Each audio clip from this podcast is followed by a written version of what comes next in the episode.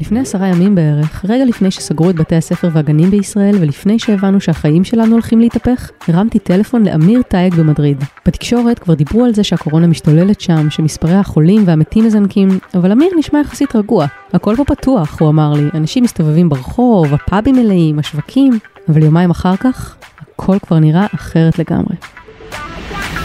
איפה היוזמות? איפה הסטארט-אפ? ישראל היא מקום אה, לא קל. לסיני ובכלל את ישראל. דברים שרואים משם, סיפורים על ישראלים מעבר לים. היי, אני שלומית רביד ואתם מאזינים לדברים שרואים משם בימי קורונה. בשבועות הקרובים, כל עוד העולם נלחם בנגיף המטורף הזה והחיים של כולנו קצת על הולד, נדבר כאן עם ישראלים שחיים מעבר לים, חלקם במדינות שחטפו את זה ממש קשה, אחרים במקומות רגועים יותר, נראה איך מתמודדים עם הדבר הזה במקומות אחרים, ואיך המשבר שלנו נראה משם. היום אנחנו חוזרים לאמיר טייג במדריד. אם במקרה זו הפעם הראשונה שאתם מאזינים לנו, אני ממש ממליצה לחזור אחורה ולשמוע לפחות את הפרק של אמיר לפני שאתם מאזינים לזה. ואז כמובן תשמעו גם את כל האחרים, יש שם אחלה סיפורים. בכל מקרה, נזכיר שאמיר היה עיתונאי כלכלי הרבה שנים, עד שהבין שכדי לחיות טוב גם בפנסיה, כדאי שיעשה עוד כמה דברים בחיים. אז הוא וזוגתו האדריכלית ארזו את עצמם ועברו למדריד. שם הם מתפרנסים מרכישה, שיפוץ, מכירה והשכרה של דירות, ובעיקר משתחררים מהסטרס של הארץ. הנה תזכורת קטנה מהפרק, ששודר לראשונה ב-30 בינואר. החיים שלנו בישראל היו אחלה חיים, מאוד אהבנו את החיים בעיר, וכמובן במשפחה וחברים, אבל uh, ישראל היא מקום uh, לא קל. מבחינת אה, יוקר מחיה וגם מבחינת אה, לחץ. הלחץ בישראל הוא, אנחנו צריכים אה, להתקדם עם הקריירה, ואנחנו צריכים להרוויח יותר, ואנחנו צריכים להיות דומיננטים יותר במקום העבודה שלנו. כשאנחנו אומרים משהו, יקשיבו לנו. אלה המרכיבים של אותו לחץ. ו... ההבנה שזה לא מחויב מציאות, שאפשר לחיות טוב גם בלי זה. והנה השיחה שלנו, שהוקלטה אתמול בערב, 22 במרץ. הלו. היי. היי שלומית, מה המצב? בסדר גמור, מה נשמע? אנחנו בסדר גמור, כמה שאפשר להיות בסדר, אה, כלואים בבית שמונה ימים ברציפות. כן, זה, זה קשוח. אז תגיד, מה אתם עושים בכל הזמן הפנוי הזה? אנחנו רואים הרבה טלוויזיה, אנחנו ישנים לא מעט, אנחנו מדברים, זוגתי ואני, אנחנו קוראים, אני לומד קצת ספרדית, ועוקבים גם הרבה אחרי המדיה, הנה בדיוק עכשיו ראש הממשלה סנצ'ז עלה פה לנאום, והוא מודיע שהם מעריכים את, אה, את הסגר. בעוד שבועיים, זאת אומרת, אנחנו עד ה-11 אה, באפריל בבית. בוודאות, אה, זאת אומרת זה מינימום כרגע. כנראה, כנראה. וואו. וזהו, ולא רק זה, הם גם, אה, ממה שאני מבין נכון, הם לא מקלים על הסגר. אצלנו כאן העוצר הוא יותר קשה מאשר בישראל, אסור לנו לצאת אפילו לרוץ בפארק. Mm-hmm. וגם הם עכשיו גם הודיעו על זה שהם גם יאכפו את זה יותר, זאת אומרת גם יהיו יותר משטרות וייתנו יותר קנסות והם יהיו יותר מחמירים בנוגע לתקנות האלה. אז מה מותר בעצם לעשות כרגע? כל מה שחיוני. מותר לצאת, לעשות קניות בסופר, מותר ללכת לבית מרקחת, מותר חס וחלילה ללכת לרופא או, ל, או ל, להתאשפז בבית חולים, מותר להוציא את הכלב לטיול, כי זה דבר מאוד חיוני, אבל אסור לעשות את זה בזוגות למשל. אם אתה יוצא מהבית, אתה חייב לצאת לבד, כי אם יצאת בזוג, זאת אומרת, כנראה שמישהו מכם לא חיוני. למרות שאם יוצאים זוג מאותו בית וחוזרים לאותו בית ולא נפגשים עם אף אחד בדרך, אה, לכאורה זה אמור להיות בסדר. לגמרי, יש הרבה מאוד נקודות לא מובנות במגבלות האלה, אבל ההנחה שלי זה שהם עושים מה שאפשר. שני אנשים שהולכים ביחד, נכון, הם לא יכולים להדביק זה את זה, אבל uh, כנראה שאחד מהם יצא מהבית שלא לצורך. כן. בגלל זה הם, הם, הם מבקשים לא ללכת בזוגות. בעצם לצמצם באמת למינימום את המספר האנשים ברחוב, מספר האנשים בסופרים, אה, מספר האנשים שיוצאים מהבית. יש בזה היגיון, בואי נגיד ככה. אין ספק שיש בזה היגיון, בעיקר אה, שהמצב בספרד הוא כבר uh, במצב של התפרצות מתקדמת. זאת אומרת, זה לא המצב שאנחנו נמצאים פה בארץ. Uh, לא, הספרדים אה, התחילו את, ה, את אמצעי הזהירות אה, בשלב קצת יותר מאוחר מישראל, mm-hmm. אבל כשהם התחילו הם הלכו את כל הדרך עד הסוף. הם תוך יומיים סגרו בעצם את כל, ה, את כל בתי העסק והטילו עוצר ברחובות. זאת אומרת אנחנו, אנחנו עברנו מ-100 ל-0 ב- בפחות מ-24 שעות. כן, זהו, אני אספר גם למאזינים שלנו שאנחנו בעצם דיברנו לפני קצת יותר משבוע. אה, כן. בשיחה שלא פורסמה בסוף, פשוט כי נורא מהר היא הפכה ללא רלוונטית. כן. ובה אתה סיפרת לי שהכל בסדר, ואתם מסתובבים בחוץ, ויש הכל פתוח, והכל, אה, והכל רגיל. וממש תוך נכון. יומיים זה, זה התהפך 180 מעלות. לגמרי. זה לזכותם של הספרדים ייאמר שהם הם הבינו מהר מאוד שהם נמצאים אה, במקום מאוד לא טוב, מהמם. והם פעלו מאוד מהר ו- והגבילו. בשלב מסוים הם אפילו היו יותר מחמירים מאיטליה, שבאיטליה ההתפרצות היא הרבה יותר גדולה מכאן, כן. או יותר גדולה מכאן בשלב הזה. זה נכון שספרד חטפה את זה מאוד חזק ביחס ל- לכל אה, מקום אחר באירופה, חוץ מ- מאיטליה, ונכון אנחנו רואים עכשיו גם את מספר המתים ומספר המאושפזים במחלקות קריטיות אה, עולה. כל יום בשיעור מאוד גבוה. הם טוענים שייקח לפחות עשרה ימים עד שאנחנו נגיע לשיא המחלה, וכבר עכשיו המחלקות טיפול נמ- נמרץ פועלות פה ברמת ה-200 אחוז. וואו. זאת אומרת, המערכת עצמה, מערכת הבריאות עצמה לא קרסה, לפחות לא רואים את זה בטלוויזיה.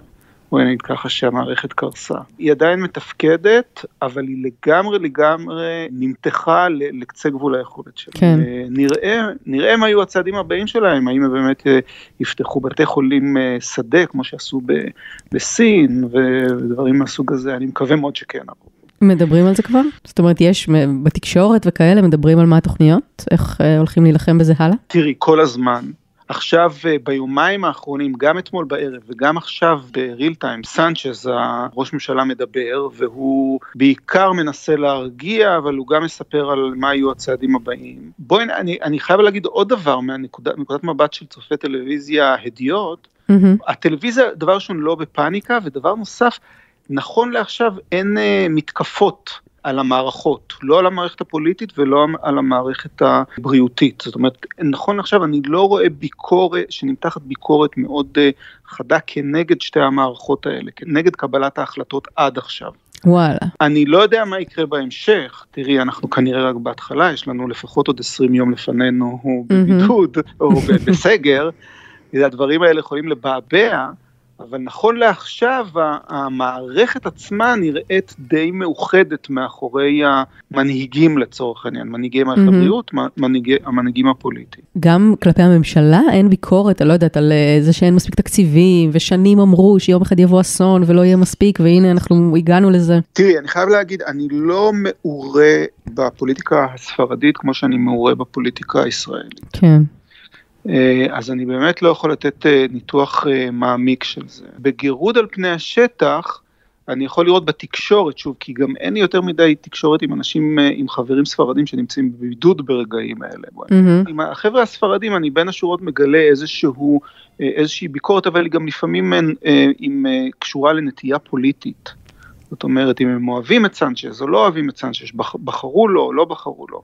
כן. אז, אז אני מנסה איכשהו קצת אה, ל- לנקות את ההטיות האלה. אם אני מסתכל רק על הטלוויזיה, בוא, אני לא רואה, אה, בינתיים אני לא רואה ביקורת, אני, הא- האופוזיציה למשל לסנצ'ז רצתה לרוץ מהר יותר, רצתה להכריז על סגר אה, מוקדם יותר, רצתה סגר יותר, אה, יותר קשיח בשלב מוקדם יותר.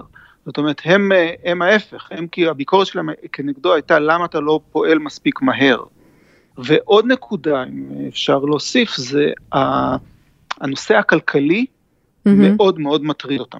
זאת אומרת, אם אני מסתכל על הטיפול התקשורתי בין הנושא הבריאותי, כמה אה, נדבקים, כמה חולים, כמה אה, מתים, לבין הנושא הכלכלי, איך ייראה הנזק לכלכלה, הנושא הכלכלי תופס אה, חלק יותר גדול בשיח כאן. קטע, כי פה זה בדיוק הפוך. לגמרי. לתחושתי לפחות. כן, כי גם זה שוב אובזרבציה על, על ההבדלים בין התקשורת הישראלית לספרדית.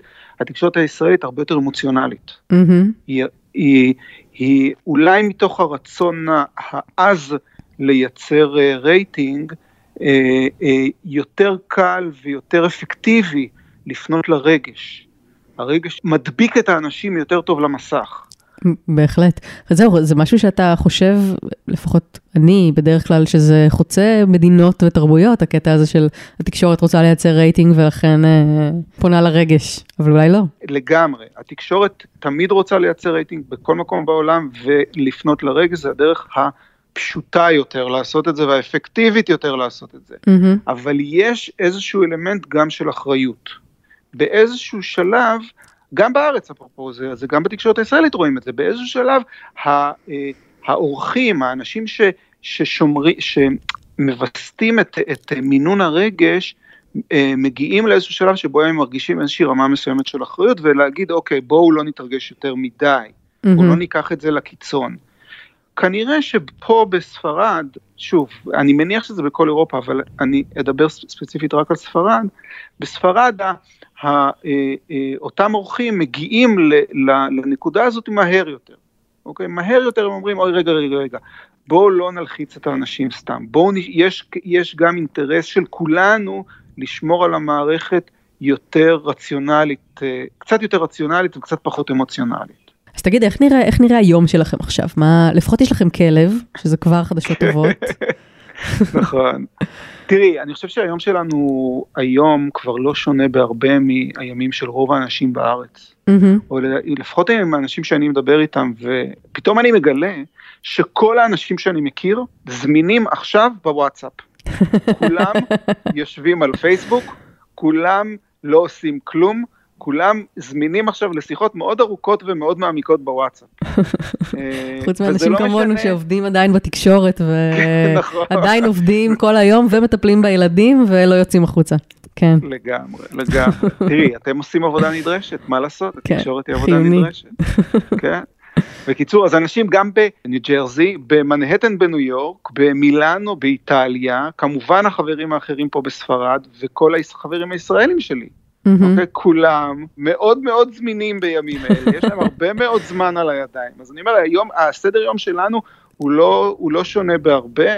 יש לנו כלב, תודה לאל, שאנחנו מאוד מאוד אוהבים, אז הוא מוציא את זוגתי כל בוקר לטיול בעיר, של כמה קילומטרים טובים, בשביל שהיא תוציא אנרגיה. וזהו, ואז אנחנו, היא חוזרת הביתה, אנחנו עושים קפה במשותף, ואז כל אחד מתחיל את שגרת יומו, אני הולך לקרוא ולומד קצת ספרדית, וזוגתי הולכת אה, גם אה, קוראת ומדברת עם אנשים, ואנחנו משתדלים פעם ביום כן לצאת לסופר, לעשות קניות באמת קטנות, כי הסופר פה ממש קרוב, אנחנו בהליכה של 50 מטר כבר שם. אה, ובערב אנחנו מבשלים לעצמנו, בניגוד לחלק גדול מהאנשים פה שמזמין. אנחנו. רואים הרבה שליחים פה ברחוב מסתובבים. אה, ומבשלים לעצמנו וסוגרים את היום מול- בבהייה מול הטלוויזיה. מאוד אה, סטטי, מאוד, אה, מאוד משמין אורח החיים שלנו. כן, אה? מאוד רגוע כן. גם, מאוד מאוד רגוע, נשמע לי דווקא קצת כיף לזמן מסוים. כן. אז רגע, אני רוצה לדבר איתך על סטרס, אוקיי? אוקיי, בוא נדבר על תראה, סטרס. אני חושב, אני חושב, אני זיהיתי את זה בתקופה המאוד קצרה שבה אנחנו כבר היינו בבידוד ובישראל עדיין לא, או לפחות, או גם חברים בארצות הברית עדיין לא היו בבידוד. ואז זיהיתי איזשהו הבדל מאוד גדול בסטרס בינינו לבינם. אנחנו היינו יותר לחוצים, מהמם. כי הבנתי שכשאנחנו נמצאים בתוך הבית, סגרו אותנו, אנחנו לא יכולים לצאת החוצה ואנחנו אה, אה, אה, מתגעגעים לצאת החוצה. אנחנו עסוקים הרבה מאוד בקריאה וניזונים אה, מהמדיה, זה מאוד מעלה את רף הלחץ שלנו, את רף החרדות. מהמם. לעומת אנשים אחרים שהם מסתובבים, שעדיין יש להם איזשהו חלק מ- מה, מהשגרה היומית שלהם, יכול להיות שהיא נפגעה, אבל לא לגמרי, הם עדיין יכולים, יש להם את הפריבילגיה לשמור על, על רף חרדות נמוך יותר.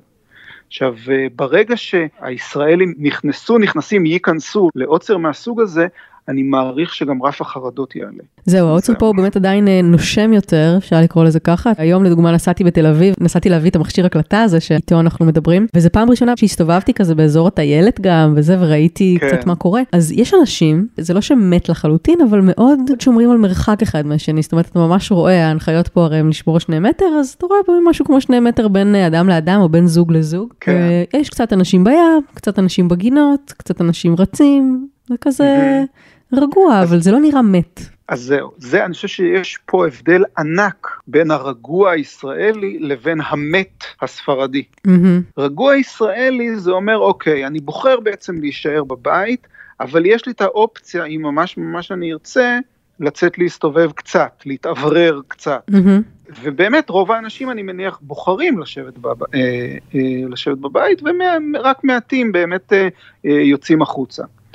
פעם שאין בכלל את הבחירה, רמת הלחץ בעיניי לפחות מאוד עולה. כן. זאת אומרת, כש, כשמחייבים אותך להישאר בבית ואסור לך לצאת ואין לך אפילו את האופציה לצאת, או האופציה לצאת היא מאוד מאוד מאוד מוגבלת, זה משהו שיש לו- יש לו השפעה מאוד גדולה על רמת החרדה. אז אתה מרגיש את, שרמות החרדה מתגברות? כן, תראי, אני הרגשתי את זה מתגבר בימים הראשונים, אנחנו כבר סוגרים שמונה ימים, אז הרגשתי את זה מת, מתגבר בימים הראשונים, ועכשיו זה כבר סטטי, כי התרגלנו פחות או יותר.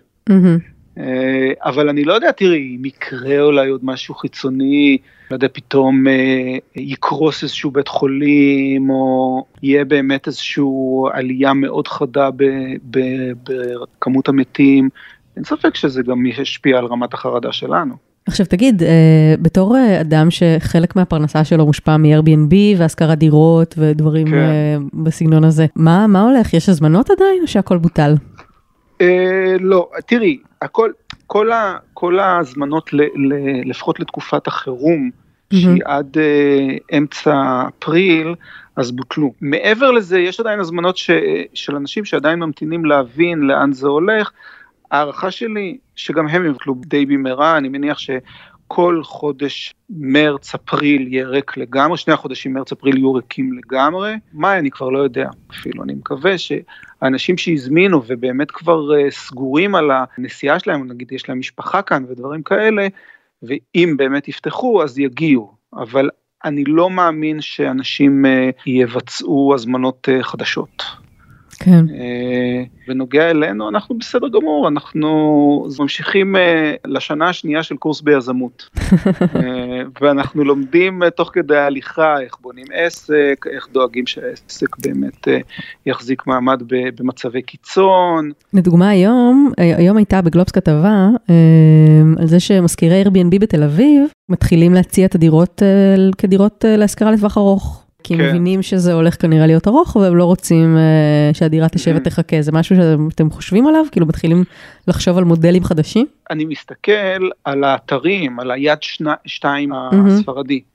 ובאמת אני רואה שם לא מעט דירות שהיו דירות Airbnb, אפשר לזהות עליהן שהן דירות Airbnb, שהכניסו אותן עכשיו להשכרה ארוכת טווח, אפילו יש כאלה שמוכרים, העמידו אותם למכירה, נכון שזה לא כל כך רלוונטי בימי המצב חירום, אבל אני מניח שזה איזושהי, משקף איזשהו שינוי ב, בעמדה של אותו משקיע, אותו מהמם. בעל דירה, שהחליט עכשיו ל, ל, ל, להוריד את הדירה הזאת מ-Airbnb ולשים אותה או להשכרה רק טווח ארוך או למכור אותה. כאן, בניגוד לישראל, המעבר הזה הוא, הוא הרבה פחות גמיש. מה הכוונה? אם אני אקח דירה ואשים אותה להשכרה ארוכת טווח, החוזה המינימלי הוא חמש שנים.